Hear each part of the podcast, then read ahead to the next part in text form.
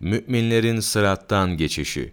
Allah Celle Celaluhu Kur'an'da bizlere çeşitli sahneler bildirmektedir.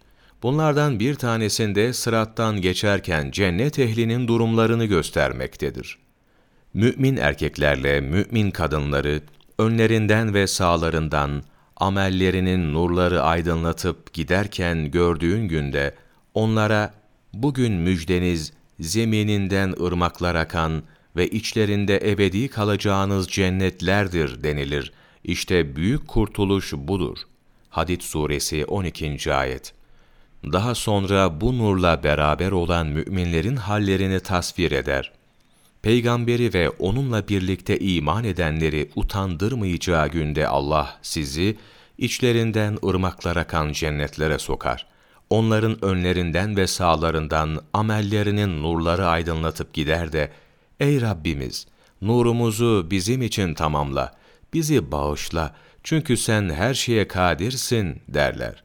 Tahrim Suresi 8. Ayet Müminler nurlarını tamamlaması için Rablerine bu şekilde dua ederler. Onlardan her biri sıratı, kendilerine ihsan edilen nurun miktarına göre geçerler. Dünyadayken Allah'a karşı sorumluluk bilinci duyanlar, sıratı şimşek hızıyla geçerler. Salih amellerin derecesi azaldıkça, sırat üzerinden geçişte o derece yavaş ve korkulu olur. Hatta sıratı geçiş esnasında cehenneme yuvarlanabilecekleri korkusuna kapılırlar.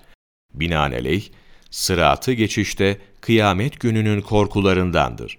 Özellikle cehennem tutuşturulmuş bir vaziyetteyken, üzerinden geçerlerken çok dehşet verici bir manzarayla karşılaşacaklardır.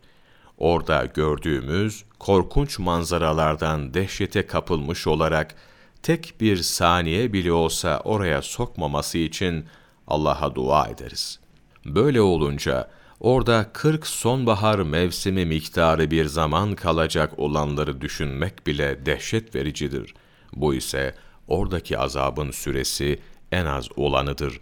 Muhammed Mütevelli Şarabi Kur'an'da kıyamet sahneleri Sayfa 155-156 26 Şubat Mevlana takvimi